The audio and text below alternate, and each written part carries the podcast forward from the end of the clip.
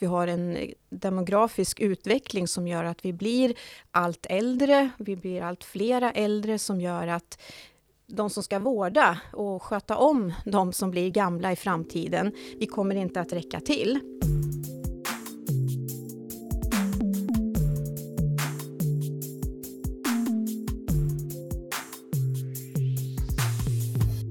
Hej och välkommen till avsnitt 61 av FoI-podden. I det här avsnittet kommer vi att prata om omställningen till nära vård i Sörmland. Jag som gör podden heter Lena Stenbrink och är kommunikatör på FoI Sörmland. Och med i den här podden, som vi faktiskt spelar in i studio för första gången på länge, är Kajsa Åkerholm och Carolina Ensjö, som båda är projektledare för nära vård. Varmt välkomna!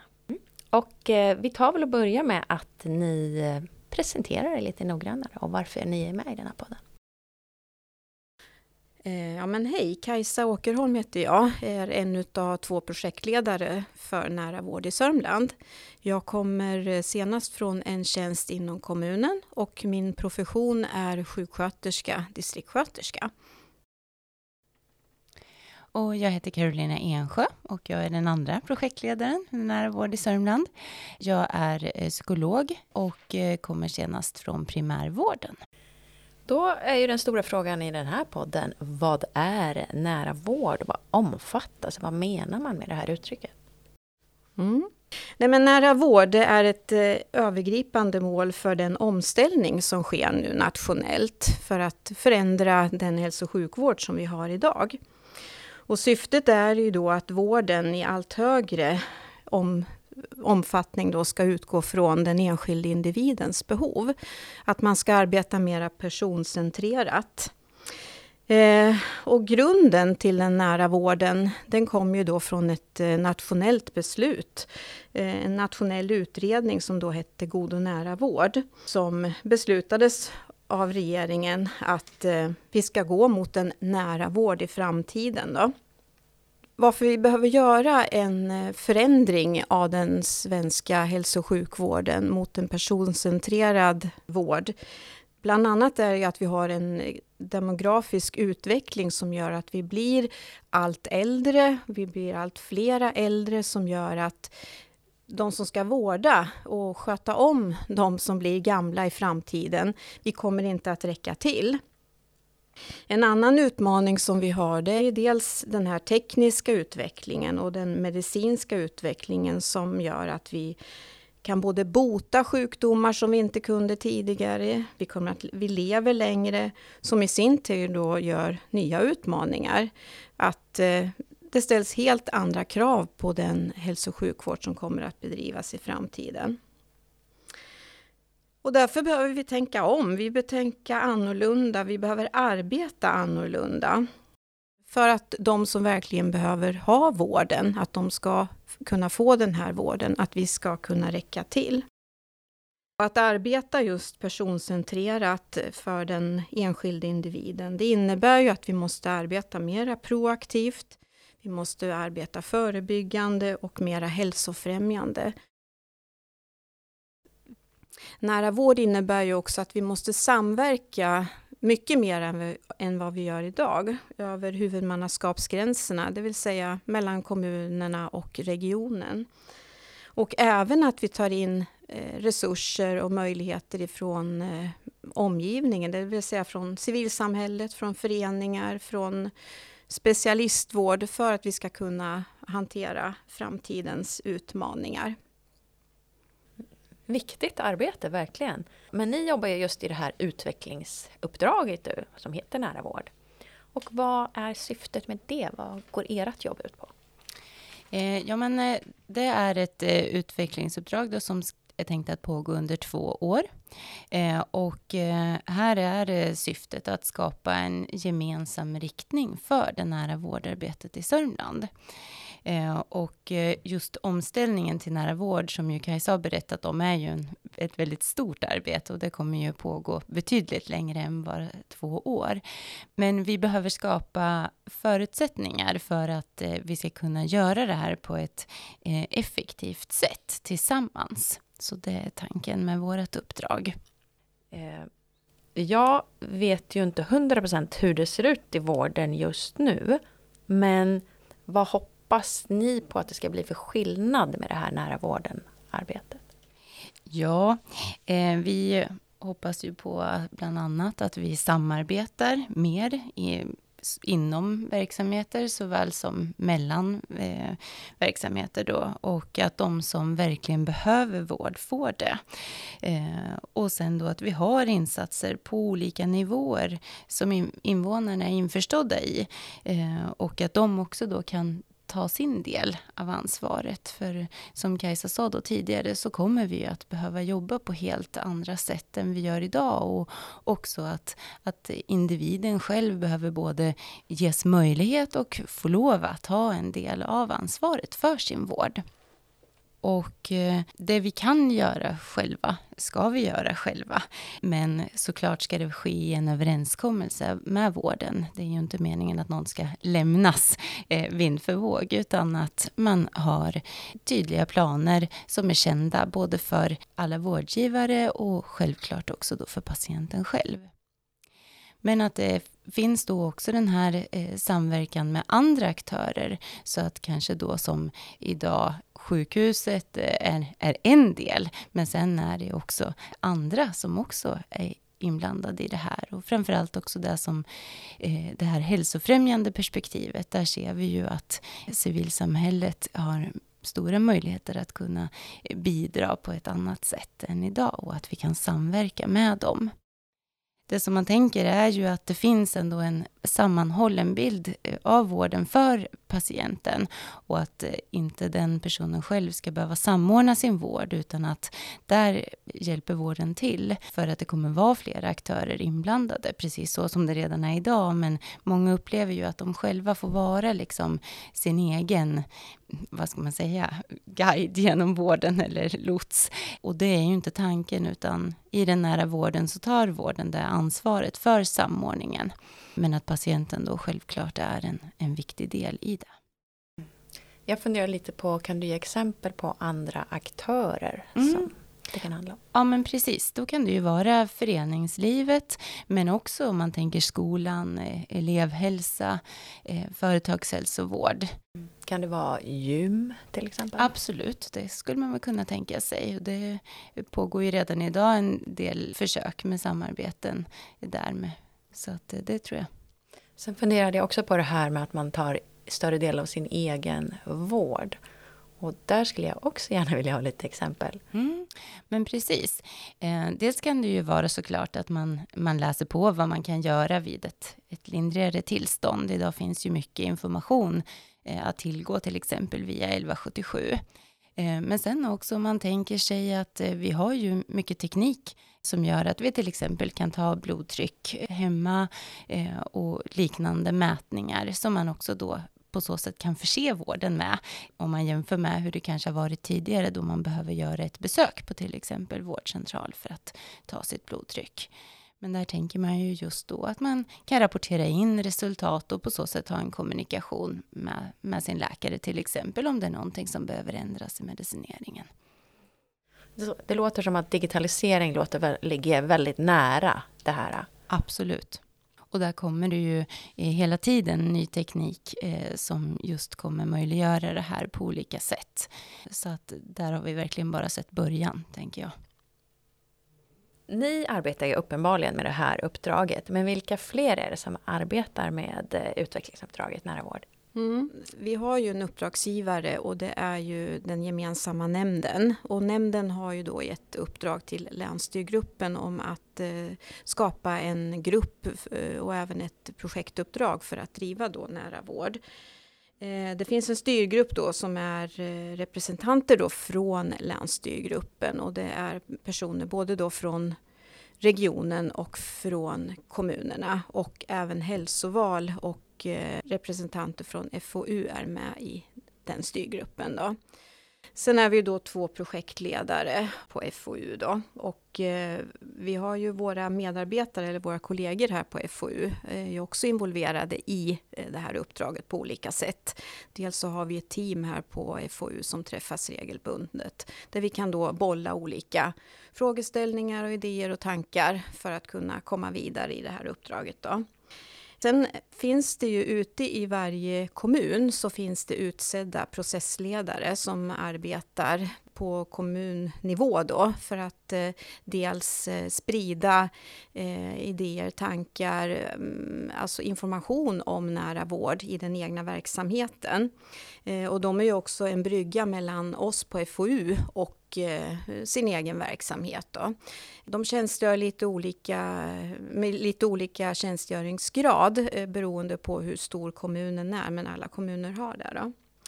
Eh, regionen har ju också utsedda kontaktpersoner och sen har vi också till hjälp eh, att eh, använda oss av både närvårdskoordinatorerna som finns i alla länsdelar och även sjukhuskoordinatorerna då som finns på varje sjukhus. Sen är det ju ett arbete för alla i, som jobbar inom vård, eh, inom kommunerna och inom regionen att vara införstådda, ha information om nära vård och liksom driva de här bitarna framförallt då chefer och ledare som ska driva själva utvecklingen. Då. Men det här är ju ett nationellt eh, uppdrag som vi alla har att eh, utföra. Men för oss i Sörmland så utgår själva uppdraget härifrån FoU. Då. Det här arbetet då, vilka olika yrkesgrupper kommer det att påverka? Det kommer att påverka alla som arbetar inom eh, vård och omsorg i eh, både här i länet och nationellt. Eh, det påverkar oss på olika sätt för att vi måste börja tänka annorlunda. Vi måste börja samarbeta på ett annat sätt som vi har pratat om tidigare. Och eh, just det här kanske att hitta andra yrkesformer, alltså grupper, professioner som inte finns idag kanske behöver komma in i vården.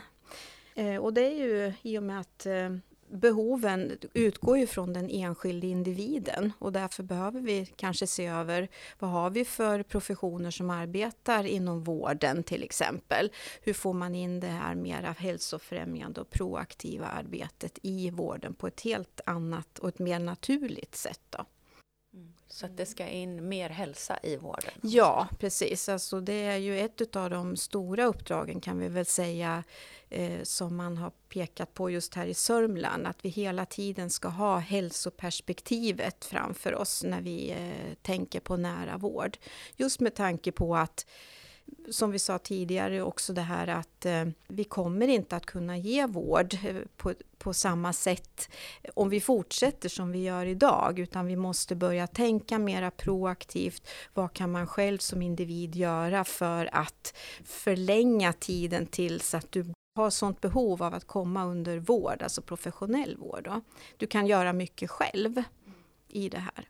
Mm. Mm. Ni två hör ju till FoU Sörmland. Men uppdraget gäller ju hela Sörmland och som du just har berättat eh, Kajsa så ingår ju många olika personer ute i kommunen och i regionen och runt här omkring.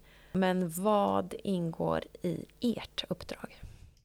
Ja, eh, vi eh, ska ta fram en gemensam målbild för det nära vårdarbetet i Sörmland. Det är en väldigt viktig uppgift som vi har och det som vi fokuserar på just nu. Eh, för vi behöver någonting att enas kring i det här stora arbetet. Och eh, eftersom det också då är så stort så är också tanken att vi ska ta fram förslag på programområden eller fokusområden där arbetet inom nära vård ska ligga under de närmast kommande åren.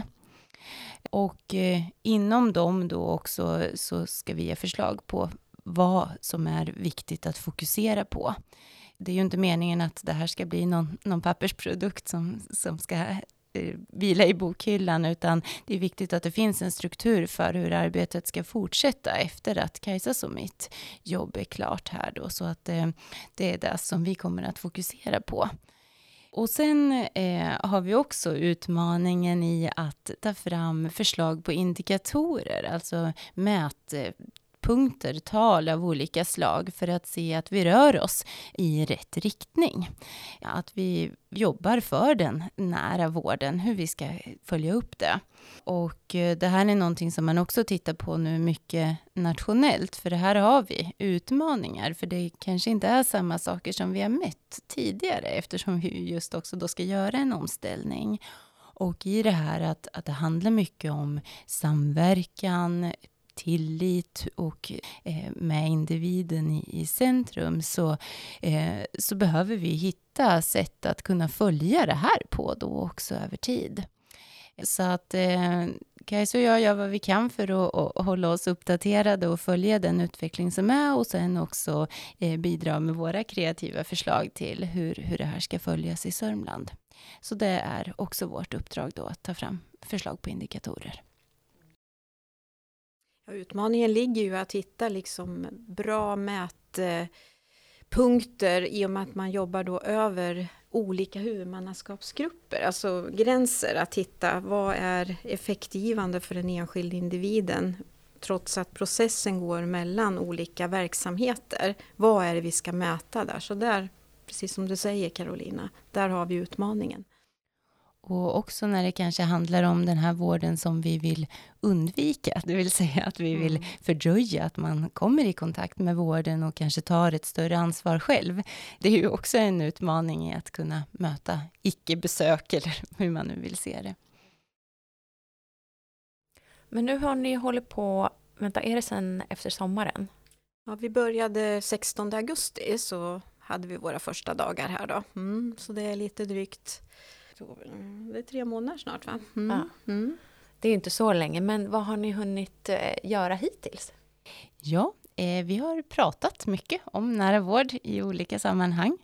Både att vi har blivit inbjudna av förtroendevalda, men sen också i, i olika sammanhang med medarbetare och också med invånare.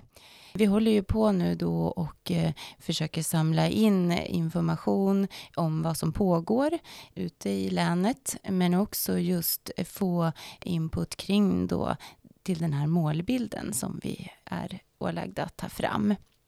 Och eh, då är det viktigt för oss att vi ja, får så mycket synpunkter som möjligt från dem, för, från dem som den här målbilden faktiskt gäller. Vilket ju är då invånarna i länet, men också då självklart de som jobbar med vård och omsorg. Eh, sen eh, går Kajsa och jag tillsammans med flera andra, både från kommun och region, både tjänstepersoner och eh, förtroendevalda, ett eh, ledarskapsprogram eh, på SKR som eh, just då bygger på att ge stöd i omställningen till nära vård. Det är ju som sagt en ganska komplex eh, omställning och kräver ju ganska mycket av dem som ska leda den.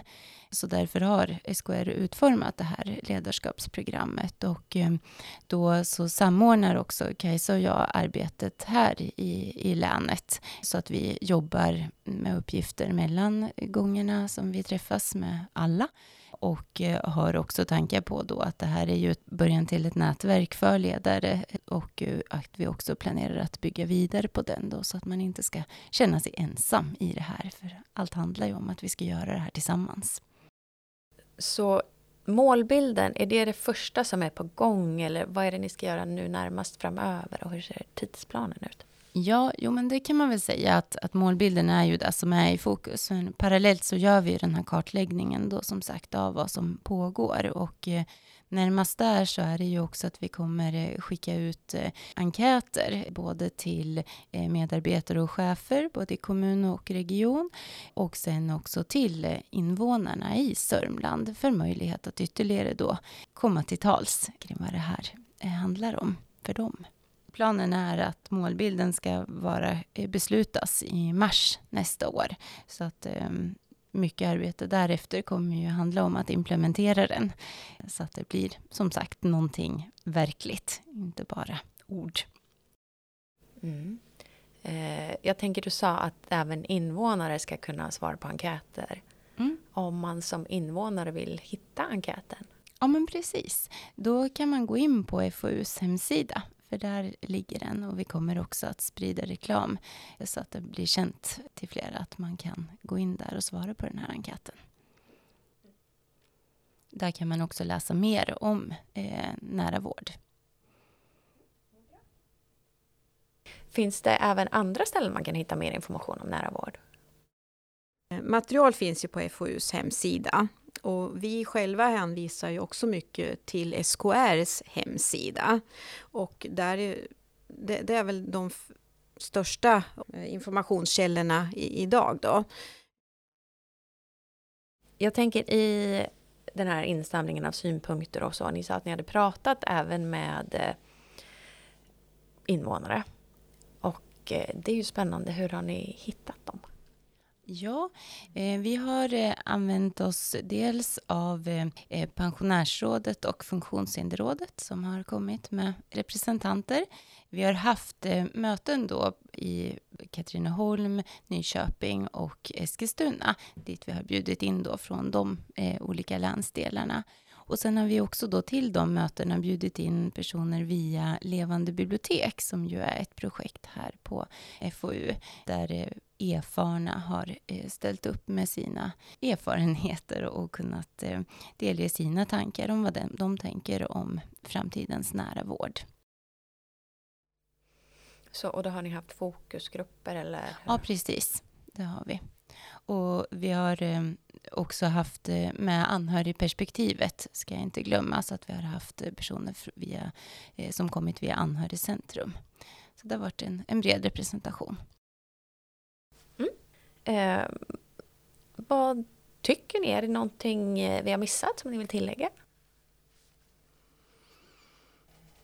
Men det känns ju som en nödvändig omställning som behöver göras med tanke på det vi har initialt pratat om, det här med att eh, vi kommer inte att räcka till för att kunna ge vård och, och, behandling och omsorg till den målgruppen som finns idag om vi skulle fortsätta på samma sätt som vi gör idag. Då så är omställningen nödvändig. Och sen är det ju också det här att befolkningen, invånarna, ställer ju andra krav på vad man vill ha för, för hjälp och för vård idag. Man är ju mera påläst, man, eh, man utgår ju mera från sig själv. Vad, vad behöver jag för någonting? Vad är viktigt för mig i, i min vård? Och då måste vi ju ställa om i det här. Men också att man tar tillvara på den enskilde individens möjligheter att kunna vårda sig själv. Att förstå att eh, eh om jag rör på mig så mår jag bättre, jag får bättre värden och så vidare. Och att man håller igång och så. Jag tänker också att det, det är jätteroligt nu när vi gör den här eh, kartläggningen, eh, vad som pågår, för det är ju jättemycket som redan har börjat och att det finns ett stort engagemang i länet. Så det tycker jag känns jättepositivt och vi hoppas verkligen att vi just då ska kunna mobilisera de här krafterna på ett effektivt sätt så att, eh, att vi verkligen kan ta stora kliv framåt. Det känns väldigt hoppfullt.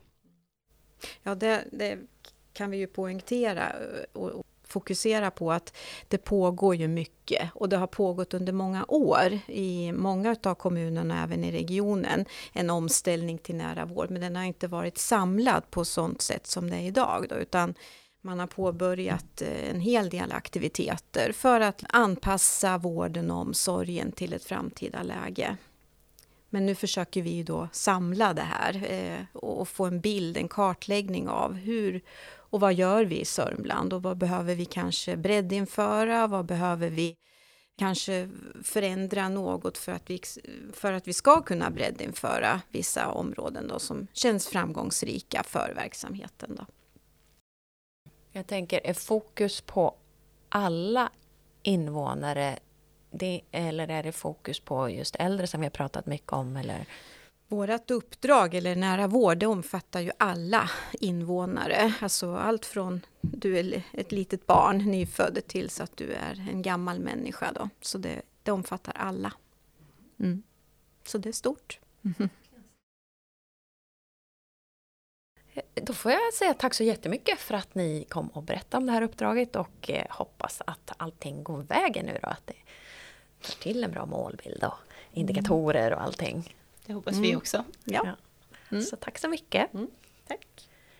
Och till dig som har lyssnat så vill jag säga tack så jättemycket för att du har lyssnat på det här avsnittet av FoU-podden. Och jag hoppas förstås att du även vill lyssna på nästa avsnitt.